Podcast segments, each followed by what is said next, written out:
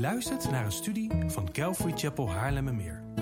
We bidden dat de Heer tot je zal spreken en je zult groeien in jouw persoonlijke relatie met de levende God. Bezoek voor meer informatie onze website calvarychapel.nl.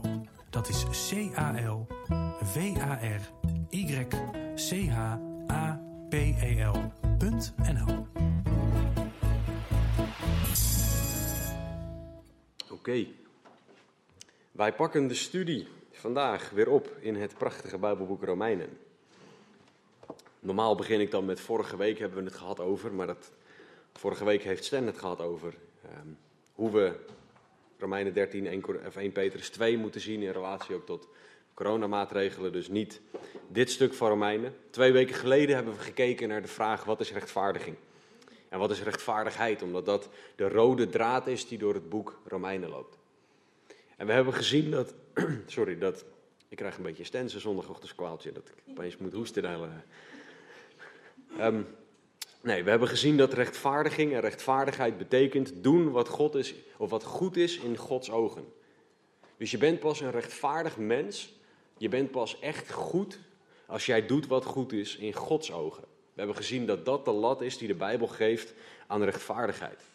En we hebben gezien twee weken geleden dat alleen Jezus die prijs kan betalen.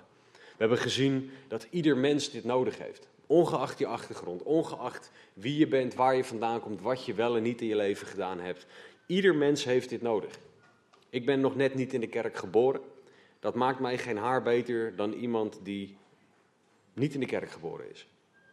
Mensen die hun hele leven in de kerk komen of mensen die, die nooit in de kerk gekomen zijn, ge- gekomen zijn, hebben allemaal hetzelfde probleem en dezelfde oplossing nodig.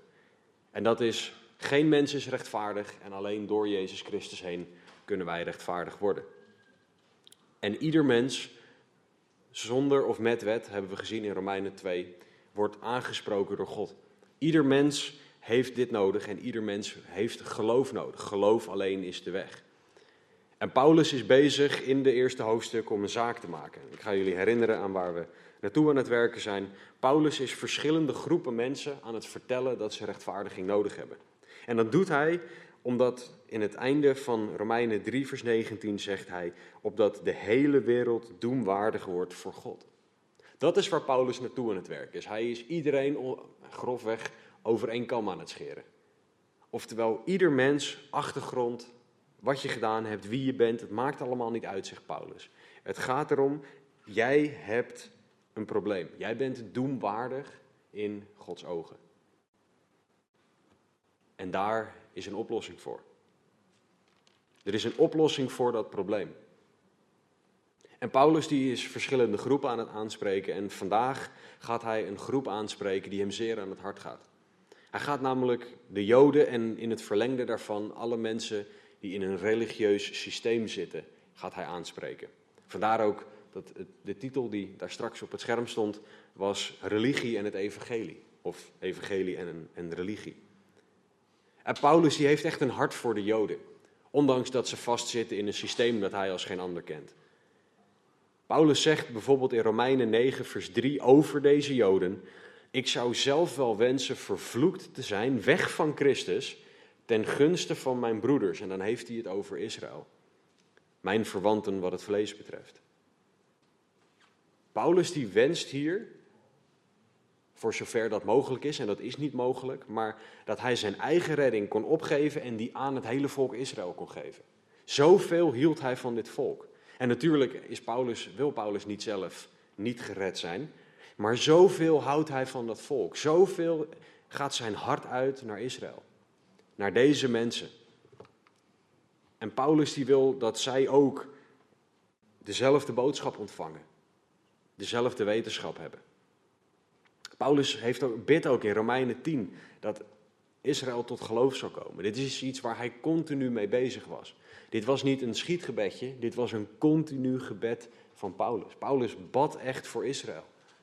Omdat hij wilde dat ze tot geloof kwamen. Want hij kende de staat van dit volk. Hij was een fariseer van de fariseeën. Hij was opgegroeid als onderdeel van het religieuze systeem. Hij wist als geen ander wat Israël deed en wat Israël nodig had. En de conclusie die Paulus trekt over de Joden is dezelfde conclusie als die hij voor iedereen trekt. De mens heeft het evangelie nodig. En in het verlengde daarvan, de religieuze mens heeft het evangelie nodig. Want dit gaat over mensen die, die heel erg in een religieus systeem zitten. Die dingen doen omdat ze het doen, omdat ze het moeten doen. Ik doe wat ik doe omdat ik het moet doen. Niet ik doe wat ik doe omdat ik van God hou. Ik sprak een keer met een, met, met, met een Joodse meneer en die zei: Ga eerst maar eens gehoorzamen, geloof komt later wel. Dat is de houding waar het hier over gaat. Ga maar gewoon doen. Ga maar gewoon aan de slag. Ga maar werken. Ga het maar doen. En een relatie met God, of van God houden, of geloof, of wat dan ook, dat komt later wel. Nee, dat is niet hoe Paulus wil dat wij dit zien.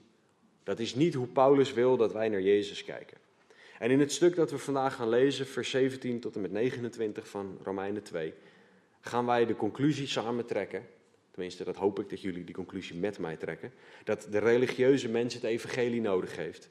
En dan gaan we het verschil zien tussen het evangelie en tussen religie. Laten we bidden voordat we samen gaan lezen. Vader God, dank u wel dat u goed bent. Dank u wel dat u trouw bent, Heer. Dank u wel dat u ons uw woord gegeven hebt.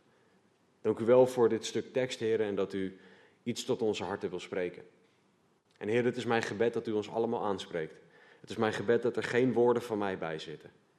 Heer, laat alles van mij weg zijn en laat er alleen maar woorden van Christus, woorden van leven gesproken worden vanochtend. Laat iedereen die luistert, zij het hier via de livestream of die het na gaat luisteren, laat iedereen aangeraakt worden. Heer, en dat kan alleen als u spreekt. Heilige Geest, doe uw werk. Want u alleen bent God en u alleen kan harten veranderen. We bidden, we vragen in Jezus' naam. Amen. Laten we de eerste vier versen lezen, vers 17 tot en met 20. En dan gaan we daarna rustig er doorheen. Paulus die schrijft tegen de, naar de Romeinen, zie u wordt Jood genoemd, u steunt op de wet en roemt in God. En kent zijn wil en onderscheidt wat wezenlijk is, omdat u uit de, uit de wet bent onderwezen. En u bent van uzelf overtuigd dat u een gids voor de blinden bent. Een licht voor hen die in de duisternis zijn, een opvoeder van onverstandigen, een leermeester van jonge kinderen, omdat u in de wet de belichaming van de kennis en van de waarheid hebt. Tot zover. Paulus heeft net in de verse hiervoor, dus waar we twee weken geleden naar gekeken hebben, uitgelegd hoe de mens geoordeeld wordt. Als je de wet hebt, word je met de wet geoordeeld. Als je de wet niet hebt, word je zonder wet geoordeeld. Is wat Paulus uitlegt. En hij heeft in vers 13 tot en met 16, wat we dus twee weken geleden behandeld hebben, um, heeft hij uitgelegd hoe mensen zonder de wet geoordeeld worden. En dat mensen rechtvaardiging nodig hebben, heeft hij hen laten zien. En vandaag gaat hij kijken naar de groep die de wet wel heeft. En dat zijn de Joden. Zie, u wordt Jood genoemd, vers 17. U steunt op de wet. Oftewel, jullie hebben die wet. En jullie doen er wat mee. En deze Joden moeten volgens God, moeten volgens Paulus aangesproken worden. En Paulus weet dat omdat hij een van hen is. Wat namelijk heel duidelijk naar voren komt, is een houding bij de Joden die niet juist is. Een houding van trots, een houding van arrogantie. Religieuze Joden zijn dat tot op de dag van vandaag ook. En dat zeg ik niet uit bronmateriaal, maar dat zeg ik uit eerstehands ervaring. Um, er wordt niet heel positief gekeken naar mensen die geen uitverkoren Joden zijn. Oftewel mensen die niet praktiserend Jood zijn. Daar wordt best wel op neergekeken, want zij zijn Gods uitverkoren volk en ik niet. Ik ben een goy, dat is een, een Hebreeuws semi-scheldwoord voor een ongelovige. En de Joden zelf, die, zijn, die kunnen heel trots zijn op het feit dat zij Gods uitverkoren volk zijn. Dat zij de wet van God hebben. Dat zij specialer zijn dan de rest. En die houding is waar Paulus hier tegen spreekt. En voordat je denkt dat ik nu een soort pleidooi tegen de Joden voer, ik hou zielsveel van het Joodse volk, ik bid voor Israël, ik bid voor de Joden. Dus het is niet dat ik neerkijk op deze mensen. Want het gevaar van deze houding zit in elk religieus systeem. Op het moment dat mensen wetten gaan maken die niet de wet van God zijn, dan gaan wij neerkijken op mensen die niet zich aan die wetten houden. Wij gaan neerkijken op mensen die zich niet houden aan ons religieuze systeem. En dat kan elk religieus systeem zijn dat je maar kan bedenken. Dat zit ook in de kerk. Dat wij wetten en dingen en gewoontes gaan bouwen waar wij ons aan vasthouden, omdat wij ons daaraan vasthouden. In de plaats van dat wij ons vasthouden aan God. En dit gevaar is waar Paulus over spreekt in vers 17 tot en met 29. Hij begint tegen de Joden: U wordt Jood genoemd, u steunt op de wet en roemt in God. Dat klinkt allemaal geweldig, totdat je het naast een houding legt. Vanaf vers 19, want hij zegt in vers 18 nog: U kent zijn wil en onderscheidt wat wezenlijk is, omdat u uit de wet bent onderwezen. Oftewel, dit is een goed begin. Ze weten wat in de wet van God staat. En dan, vanaf vers 19, u bent van uzelf overtuigd. Dat is nooit een heel goed begin van een zin. Dat u een gids voor de blinden bent, een licht voor hen die in duisternis zijn, een opvoeder voor onverstandigen, een leermeester voor jonge kinderen, omdat u in de wet de belichaming van de kennis en van de waarheid hebt. Ze, ze zijn er van zichzelf overtuigd dat zij dit doen. En in, vanaf vers 21 gaan we zien wat ze daadwerkelijk doen. Ze zien zichzelf op de ene manier, maar ze doen iets anders. God spreekt de Joden hier aan. God spreekt de Joden aan die in de kerk in Rome zitten. Daar zaten best wel wat Joden van, uh, sorry, best wel wat christenen van Joodse afkomst. En deze houding, die konden zij meenemen de kerk in. Dan, dan gingen ze van, ik ben Gods uitverkoren volk, naar ik ben nu een christen, dus ik ben beter dan jij. Dat gevaar zit in ons allemaal. Want wij willen allemaal specialer zijn dan de ander. Wij willen allemaal dat iemand ons ziet en dat wij belangrijk zijn. Dat is een. Wij willen allemaal dat we gezien worden. Kijk maar naar wie je als eerste zoekt op een foto. Dat is niet, je staat niet te kijken hoe de rest erop staat.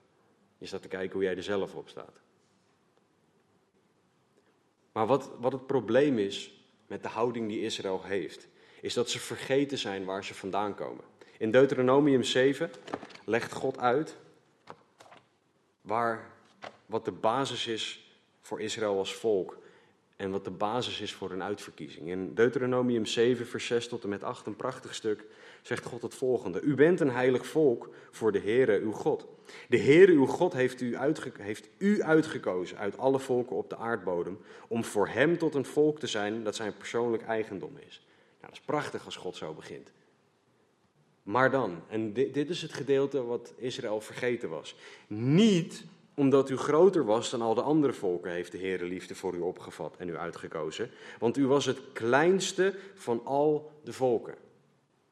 Dus er was geen reden in dit volk zelf om ze uit te kiezen. En dan gaat God verder. Maar vanwege de liefde van de Heer voor u en om de eed die hij uw vader gezworen had in acht te nemen, heeft de Heer u met sterke hand uitgeleid en heeft hij u verlost uit het slavenhuis uit de hand van Farao, de koning van Egypte. Dus waarom heeft God Israël uitverkozen? Omdat God Israël uitverkozen heeft. Het klinkt als een drogreden en dat is het ook. Maar God heeft hen gekozen omdat hij hen gekozen heeft. Niet omdat Israël goed was, of beter was, of specialer was. God heeft Israël gekozen. En daar hebben zij geen enkele hand in gehad, behalve dat volk zijn. En ze zijn dat vergeten. Ze zijn uit het oog verloren dat het God is die kiest. Dit is hoe God zag Israël door zijn liefde. En zij keken zelf menselijk. Op een manier die er niet toe deed. Op een manier die, die niet goed was. En God heiligt Israël omdat hij hen heiligt, omdat hij van hen houdt. Dus het begint allemaal met Gods liefde die onverdiend is. En dat is wat Israël uit het oog verloren was. Dat is waar hun houding de verkeerde kant op was gegaan. Israël had zelf niks gedaan, ze hoefden alleen maar te accepteren dat ze uitverkoren waren en nederig naar God toe komen. Israël was de verkeerde kant op gegaan en zo kan de kerk net zo goed die kant op gaan. Dat als wij denken dat dingen goed gaan, dat als wij denken dat wij iets goeds doen, dat we dan opeens trots worden. Trots worden op wat wij bereikt hebben trots worden op wie wij wel niet zijn. In de plaats van dat wij nederig voor Gods aangezicht komen.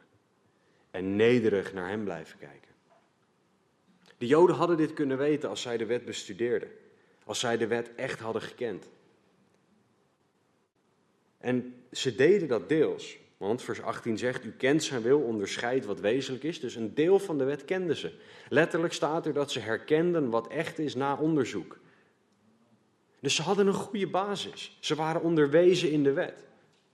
Maar toch onderscheiden ze niet wat er nou daadwerkelijk nodig was. Ze hadden de noodzaak voor het evangelie hadden ze niet gezien. De noodzaak voor rechtvaardiging uit geloof hadden zij gemist.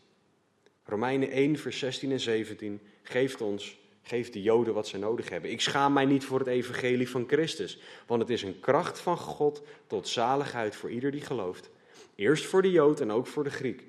Want de gerechtigheid van God wordt daarin geopenbaard, uit geloof tot geloof, zoals geschreven is, de rechtvaardige zal uit het geloof leven. Israël was verzand in daden. Gods liefde verdienen. In de plaats van ik ben geliefd omdat God van mij houdt.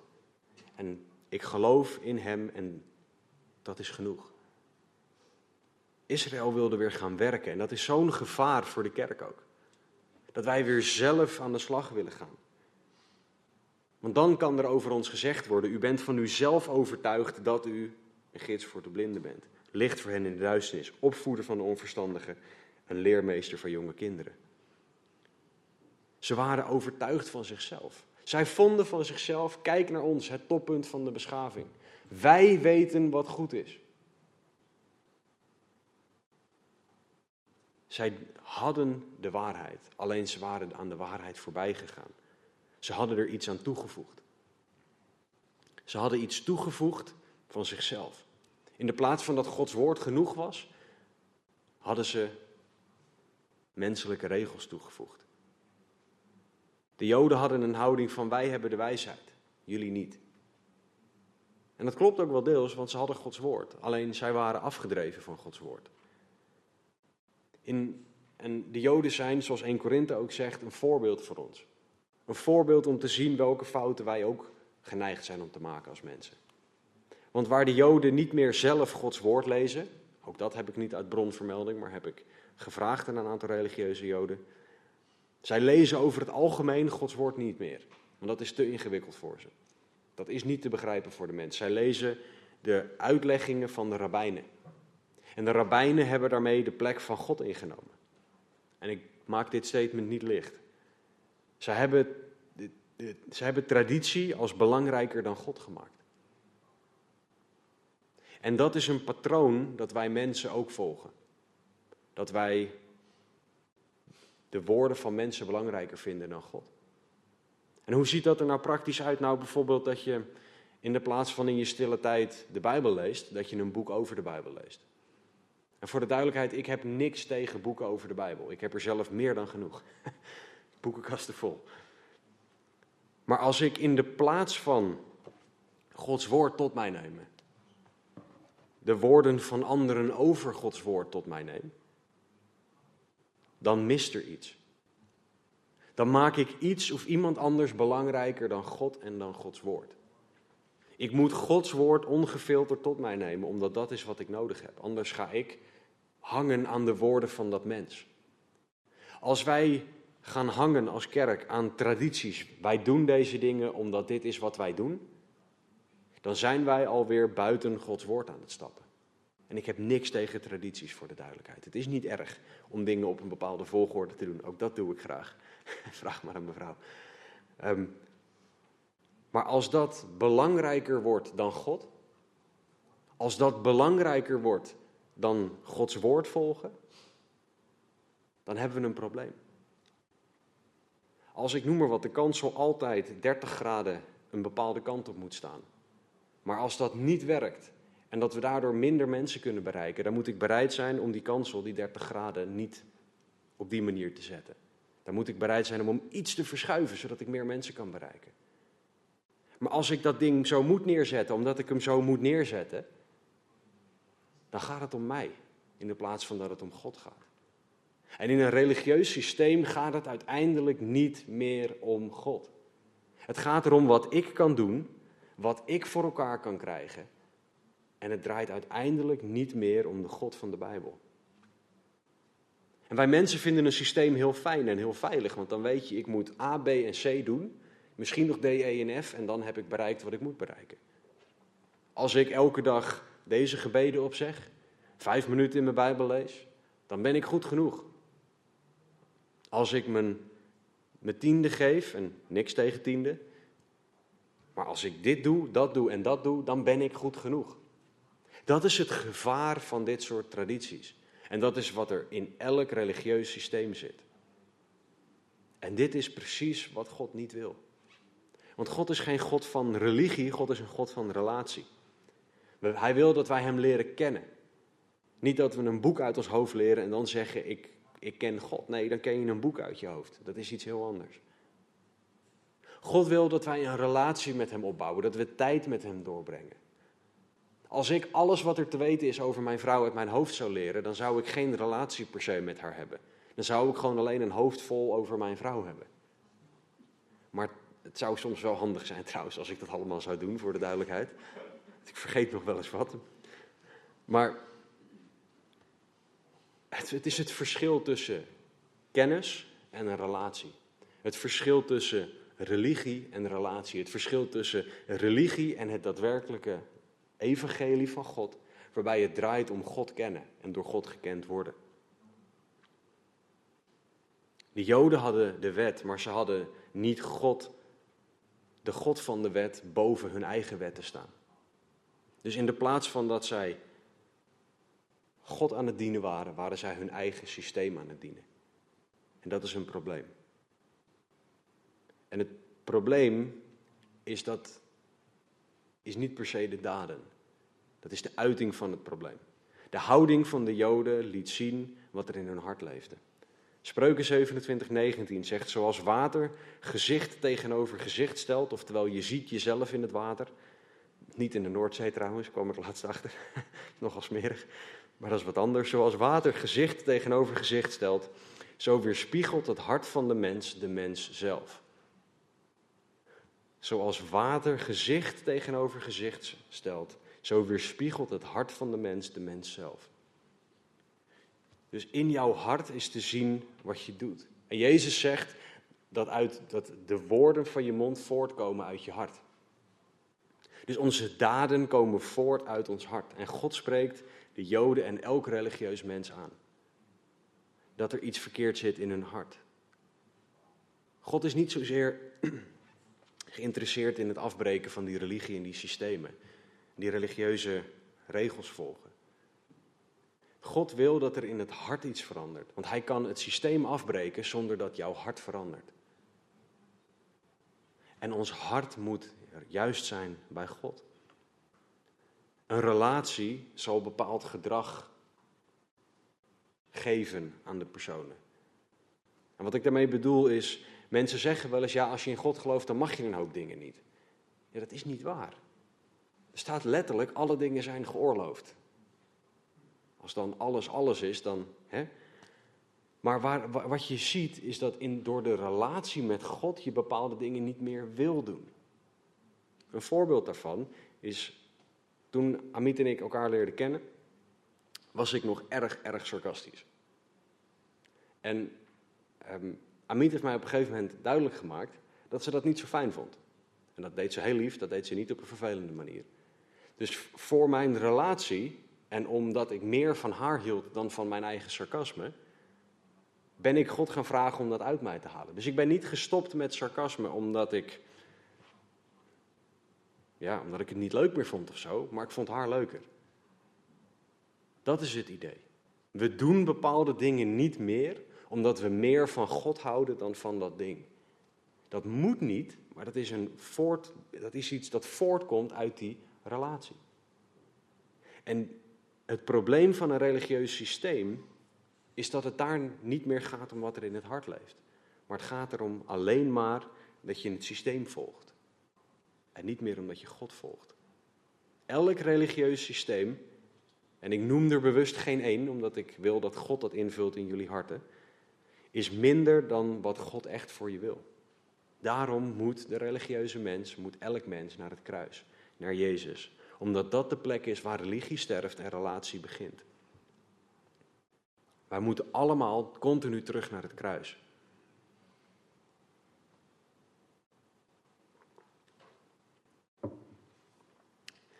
Voor de duidelijkheid, een religieus systeem zit ook in hele kleine dingen.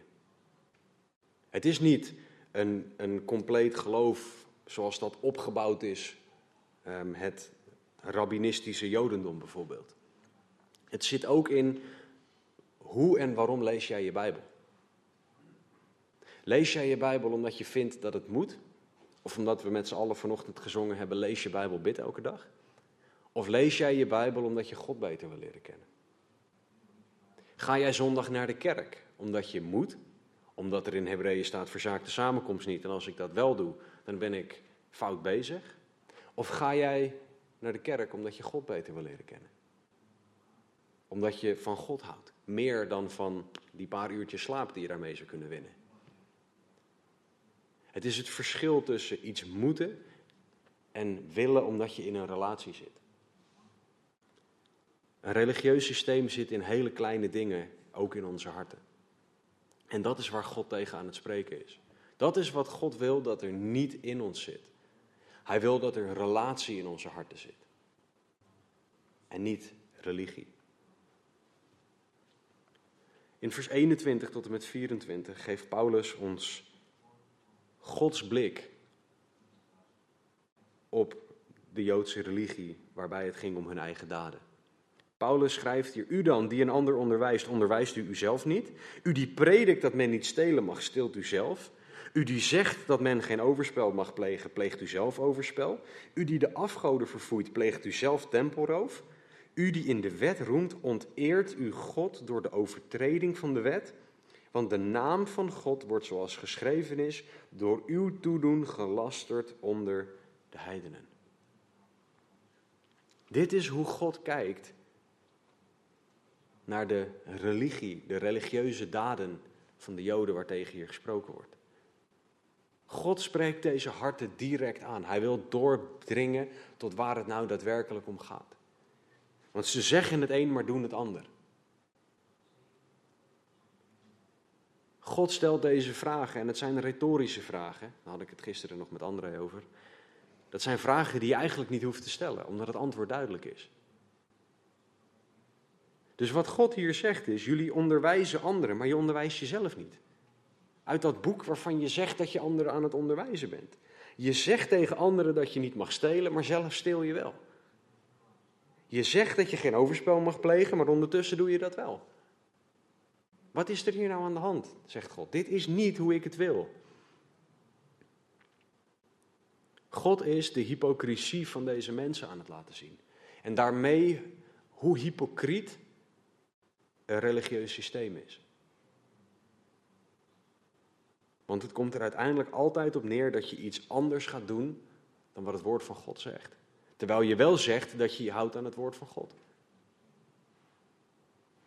De Joden onderwezen dingen, ze vertelden niet-Joden dat ze dingen moesten doen, terwijl ze de regels overtraden. David Guzik heeft gezegd: God past zijn wet toe op zowel onze daden als onze houding. Soms willen we dat alleen onze houding bekeken wordt. Ik doe het toch met een goede houding, God. En soms willen we dat alleen onze daden bekeken worden. Daar heb ik nog wel eens een discussie over met mijn vrouw. God zal ons verantwoording laten afleggen voor zowel onze motieven als ons handelen.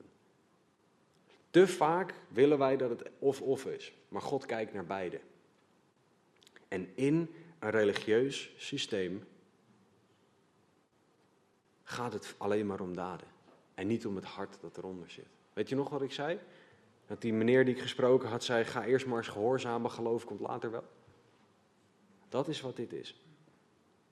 Dan zeg je dus dat God alleen maar naar daden kijkt. En als je het maar goed genoeg doet, dan houdt God van je. Dat is religie.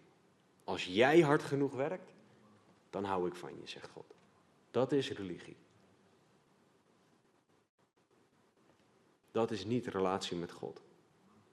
Dat is niet hoe Jezus naar dingen kijkt.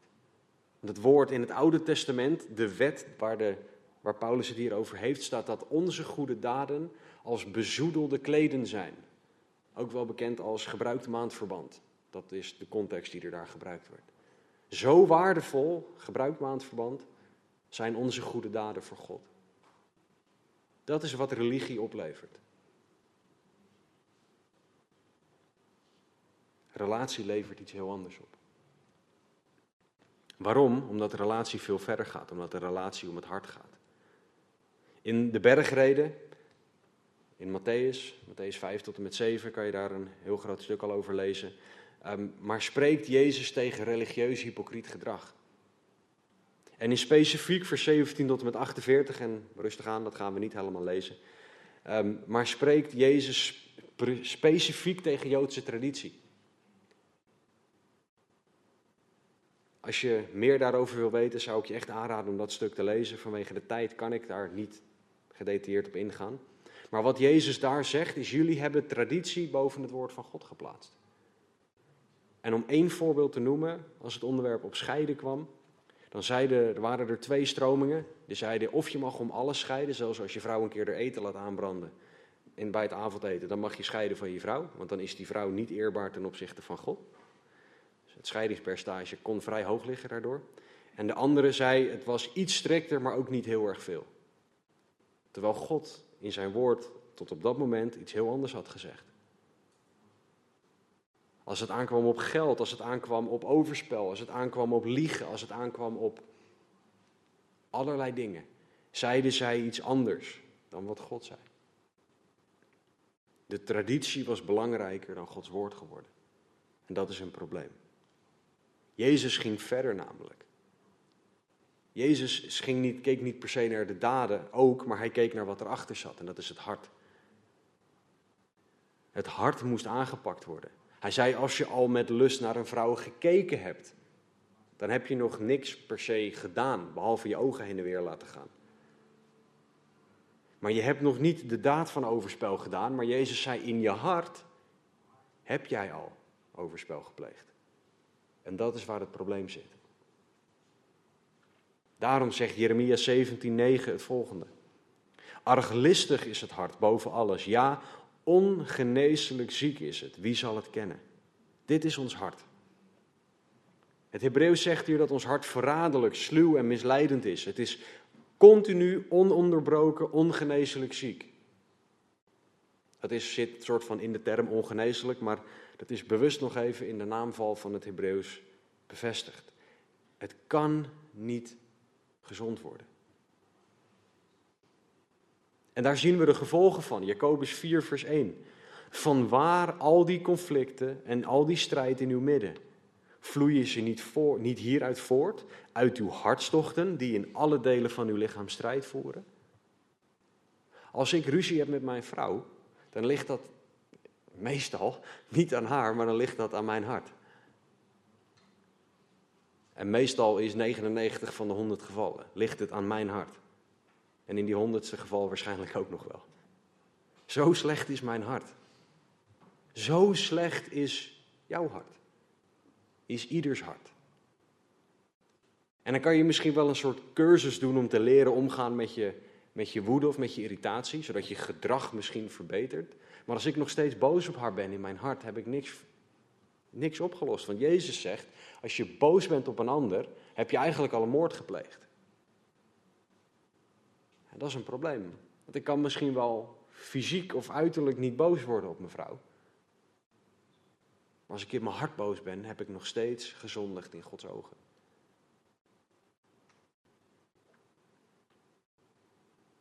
In Prediker 9, vers 3 staat dat het hart van de mensenkinderen vol kwaad is. Dat is nog eens een flink statement. En tegelijkertijd is het 100% waar. En dit is het probleem dat God aan het aanspreken is. Je kan, je kan een religieus systeem optuigen. Je kan allerlei goede dingen doen. Je kan goede daden doen. Je kan een heel, tussen aanhalingstekens, goed systeem hebben. Maar uiteindelijk lost dat in Gods ogen niet het echte probleem op. Want het hart van het probleem blijft het probleem van het hart. En dat gaat niet veranderen met Zoveel gebeden op die tijd in een bepaalde richting of weet ik het wat.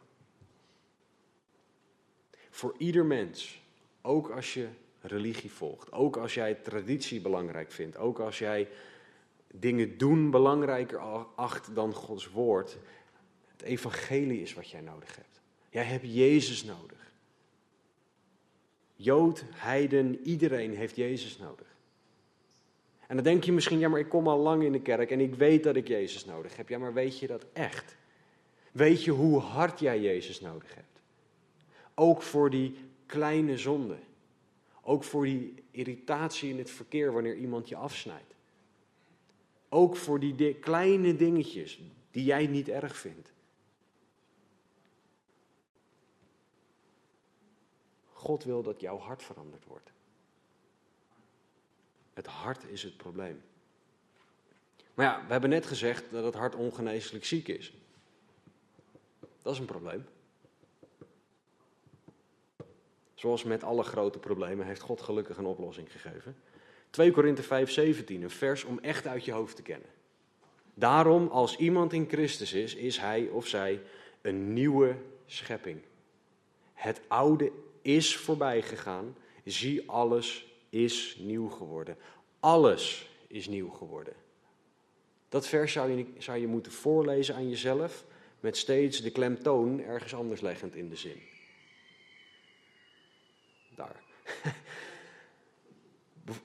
Leg bijvoorbeeld de klemtoon op als iemand in Christus is.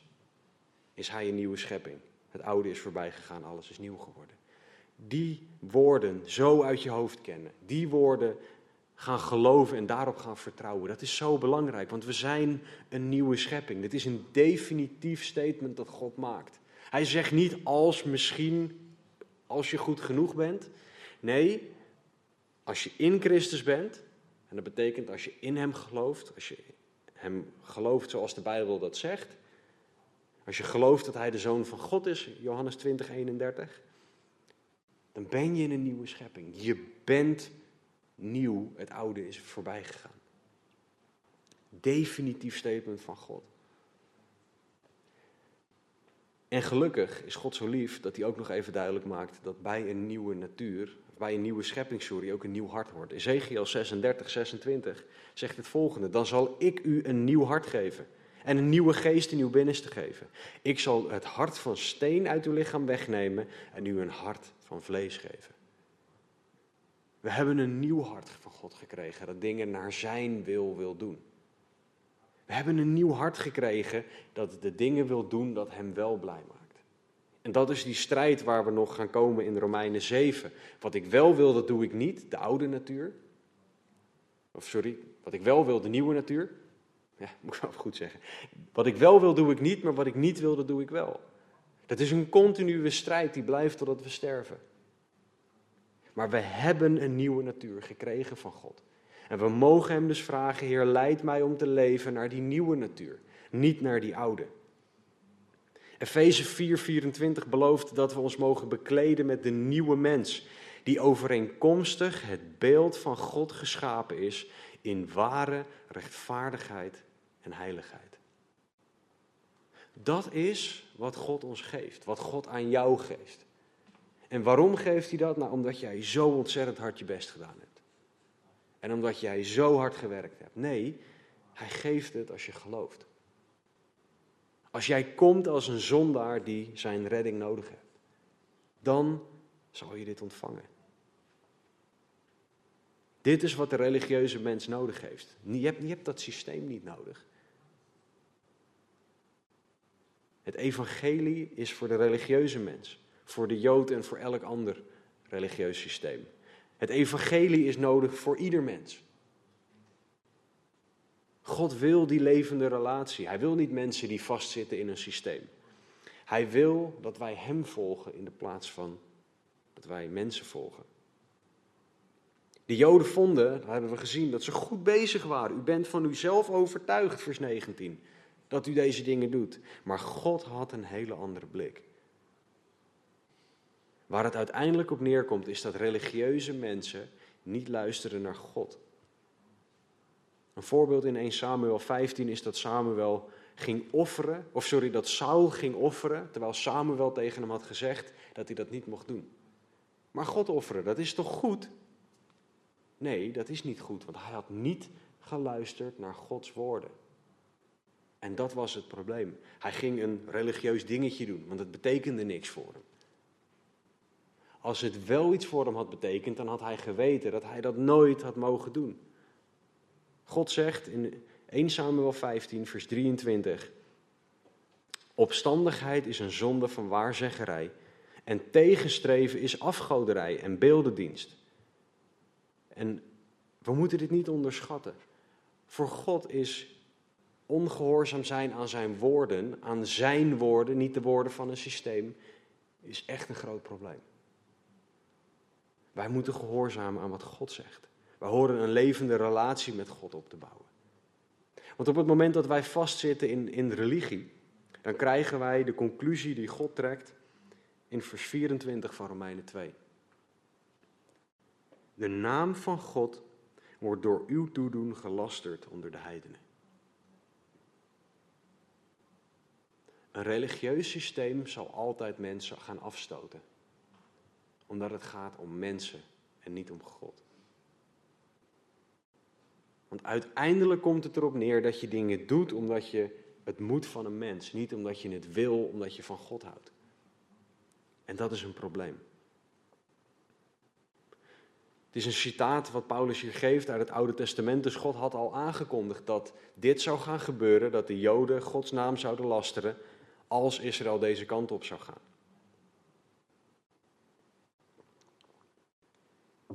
Warren Wiersbe heeft het volgende over dit stukje gezegd. De heidense niet-Joden hadden dagelijks contact met de Joden in zakelijke en andere activiteiten. En zij werden niet voor de gek gehouden door de Joodse toewijding aan de wet. De wet die de Joden zeiden te houden, klaagde hen juist aan. Einde citaat. Ze zeiden dat ze dingen deden voor God, maar eigenlijk deden ze. Ze zeiden, ja, ik doe dit omdat ik van God, omdat ik voor God bezig ben, maar eigenlijk deden ze het voor eigen gewin. En nogmaals, dit is niet om de Joden in het, in het strafhoekje te zetten, om neer te kijken op de Joden. Dit is juist om te leren van wat zij doen en wat zij deden. God houdt tot op de dag van vandaag ook van de Joden. Sorry Ferry, dit vers heb ik niet op je blaadje staan, maar Romeinen 11:1 zegt dan het volgende: Heeft God zijn volk verstoten? Het antwoord is volstrekt niet. Dus wat Paulus hier zegt is dat God nog een plan heeft met Israël. En daar gaan we komen wanneer gaan we diep induiken wanneer we vanaf hoofdstuk 9 ernaar gaan kijken. Het is niet zo dat God nu zegt, nou, die Joden die zijn zo ontzettend slecht met hun systeem. Nee, wat God zegt, de Joden zijn mensen die redding nodig hebben. Net zoals elke heiden. Ieder mens heeft redding nodig. God is niet geïnteresseerd in religieuze gehoorzaamheid, God is geïnteresseerd in het hart. En het hart van de Joden moest veranderd worden, het hart van de heidenen moet veranderd worden. En dat is tot op de dag van vandaag zo. Als onze daden matchen met een religieus systeem, is de kans heel groot dat wij God niet eren en dat wij zijn naam zelfs onteren naar mensen. Wij mogen een levende relatie hebben met de levende God van hemel en aarde. En dat is wat wij aan mensen mogen laten zien. Niet kijk mij eens goede dingen doen omdat ik het moet van mijn God. Alleen door Jezus, alleen door het kruis, alleen door Gods vergeving, alleen door het evangelie is het mogelijk dat wij hier niet in verzanden. En dit is iets waar wij dagelijks ons hart op moeten, moeten controleren. Dat wij niet vervallen in deze dingen. Dat wij niet vervallen in ons beter voelen dan anderen. Dat wij niet vervallen in dingen doen omdat we het doen omdat we het altijd zo gedaan hebben. Of omdat het moet van iemand die achter een kansel tegen je staat te praten. Je moet dingen doen omdat God het vanuit het woord op je hart legt. Dat moet je motivatie zijn voor geloofsgehoorzaamheid. Niet een systeem, niet mensen, niet wat dan ook.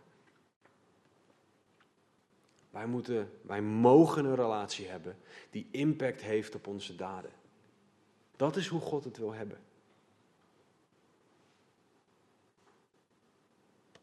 Laten we vers 25 tot en met 29 lezen. Want de besnijdenis heeft wel nut als u de wet houdt, maar als u een overtreder van de wet bent, is uw besneden zijn tot onbesneden zijn geworden. Als dan een onbesnedene de verordeningen van de wet in acht neemt, zal zijn onbesneden zijn dan niet tot besnijdenis gerekend worden? En zal hij die overeenkomstig de natuur onbesneden is, maar die de wet volbrengt, u dan niet oordelen die met de letter van de wet en de besnijdenis een overtreder van de wet bent? Lange zin. Want niet hij is Jood die in het openbaar is, en niet dat is besnijdenis die in het openbaar in het vlees plaatsvindt, maar hij is Jood die in het verborgen is. En dat is besnijdenis die van het hart is naar de geest, niet naar de letter. Zijn lof is niet uit mensen, maar uit God. Er zit hier zo ontzettend veel in, maar ik wil me richten op religie versus relatie. Paulus wil dat wij inzien wat het is om echt een Jood te zijn in de zin van Gods uitverkoren volk. God is niet klaar met Israël.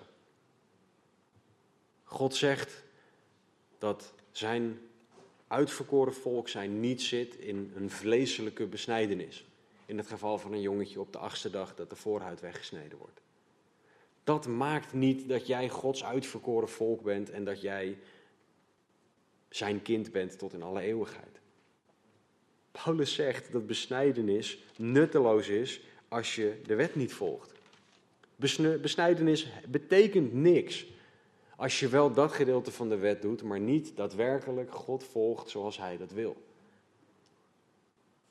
Als de niet-Jood de wet in acht neemt, zegt vers 26, zal dan onbesneden zijn niet tot besnijdenis gerekend worden. Oftewel, als jij de wet doet, maar je hebt alleen dat ene stukje niet, is dat dan beter of zo? Dus als een niet-besnedene de wet volgt, hoe, hoe zit dat dan? Nou, Paulus die zegt in vers 27, zal hij die overeenkomstig de natuur onbesneden is, maar die de wet volgt, u dan niet oordelen, die met de letter van de wet en de besnijdenis een overtreder van de wet bent? Oftewel, op het moment dat een niet-Jood de wet houdt, dan zou dat toch een ontzettend confronterend iets voor de Jood moeten zijn. Die het zegt te houden, maar het eigenlijk helemaal niet doet. God zet hier religieuze gehoorzaamheid tegenover gehoorzaamheid aan het woord. Want de Joden deden dingen in een religieus systeem, doe je dingen omdat je ze moet doen. Terwijl op het moment dat jij Gods woord gehoorzaamt en luistert naar God, doe je dingen omdat je van God houdt. En dat is wat hij wil. God, over, God sorry, oordeelt de overleggingen van het hart. Hij, over, hij oordeelt niet de overleggingen van je daden. Hebreeën 4:12 zegt dat God je hart en de gedachten van je hart oordeelt. Niet de gedachten van een religieus systeem. Want het gaat erom hoe jij in jouw relatie met God staat. Niet hoe dat systeem ten opzichte van God staat. In een religie gaat het er ook om wat jij kan doen voor de ander, niet wat de ander voor jou kan doen. En wij mogen God alle dingen vragen, zegt Lucas 11.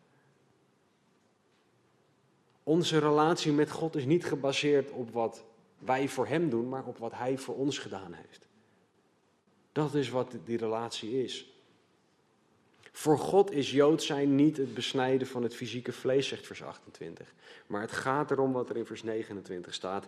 Hij of zij is Jood die in het verborgene is. En dat is besnijdenis die van het hart is, naar de geest, niet naar de letter. Zijn lof, haar lof is niet uit mensen, maar uit God. God in die laatste zin zet God neer waarom je het een doet of het ander doet. Religie is uiteindelijk dat je wil horen van een mens, je doet het goed genoeg. En relatie is dat je van God hoort, ik hou van jou. Zelfs nu je een fout gemaakt hebt. Het verschil tussen religie en relatie. Religie ten opzichte van het evangelie. Want het evangelie leidt tot een relatie, religie leidt tot iets heel anders. God wil je hart, hij wil niet je daden. En dit is wat de religieuze mens moet weten. Religie is heb jij hard genoeg gewerkt. God zegt, jij kan het niet verdienen en ik hou van jou ondanks dat je het niet kan verdienen. Geloof in mij. Een echte christen, iemand die daadwerkelijk gelooft, is iemand die niet vastzit in een religieus systeem, maar iemand die vastzit in een relatie met God. Een echte christen is iemand die bezig is met God gehoorzamen, omdat je van God houdt. Een echte christen is iemand die overgegeven is aan God, omdat je ziet hoe ontzettend goed God is. En dat allemaal op basis van Jezus, die aan het kruis zei: Tot telestai, ik heb alles volledig betaald.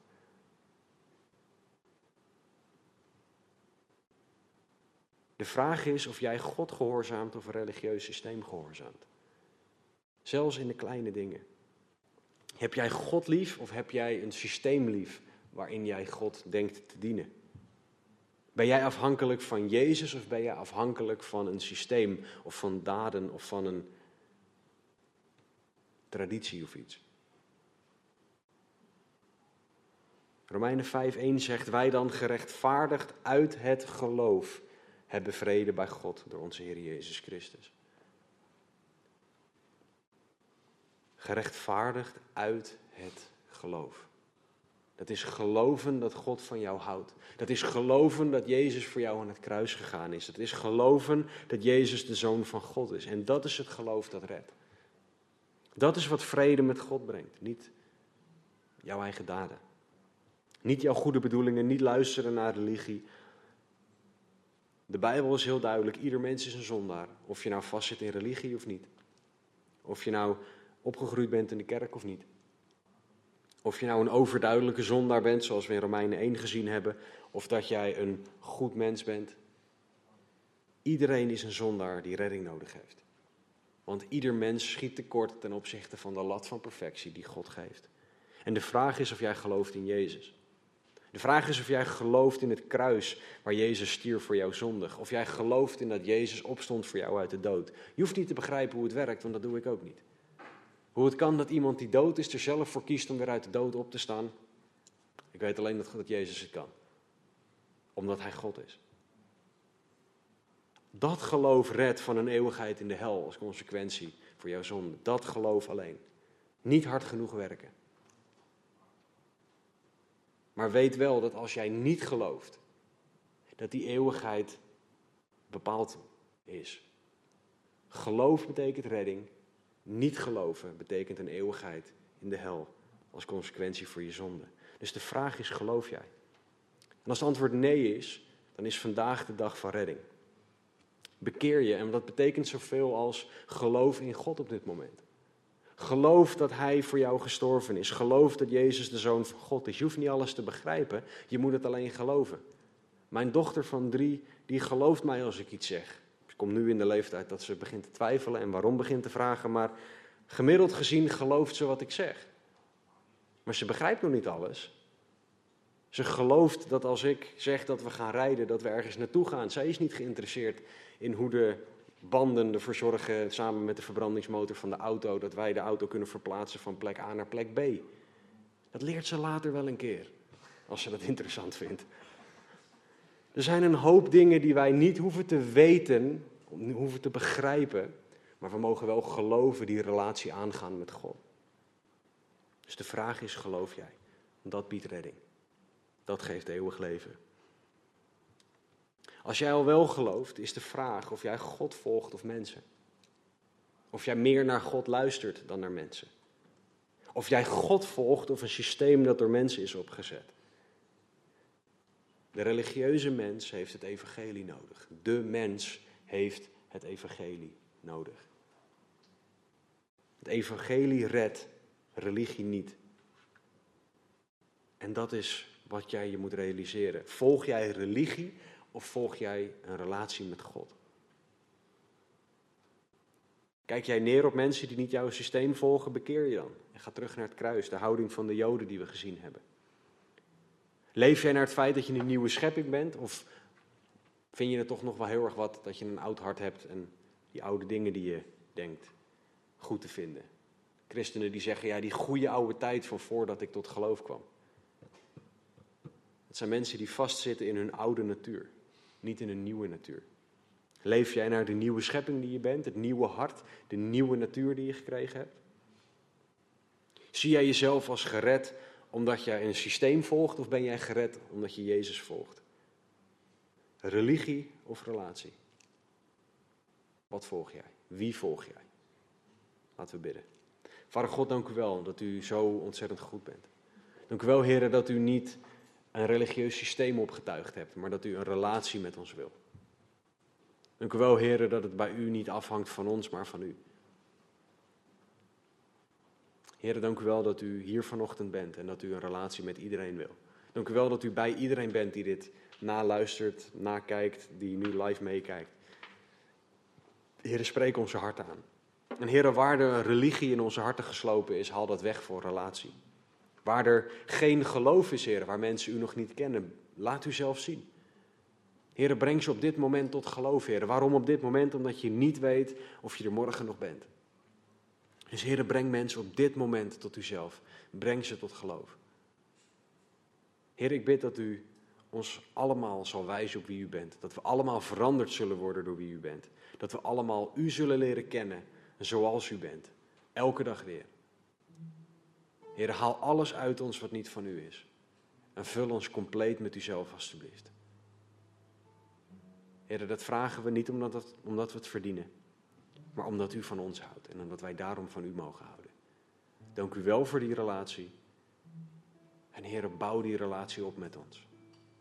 Dat vraag ik in Jezus' naam. Amen. Ik wil afsluiten met een vers uit Deuteronomium. André die zal ons samen met het aanbiddingsteam leiden. Nog uh, afsluitende lied slash liederen. Maar ik wil afsluiten met woorden uit Deuteronomium 6. Daarom zult u de Heere uw God liefhebben met heel uw hart, met heel uw ziel en met heel uw kracht. Deze woorden die ik u heden gebied, moeten in uw hart zijn. Dat is wat er in ons hart moet zijn. Relatie met God. Hele gezegende week.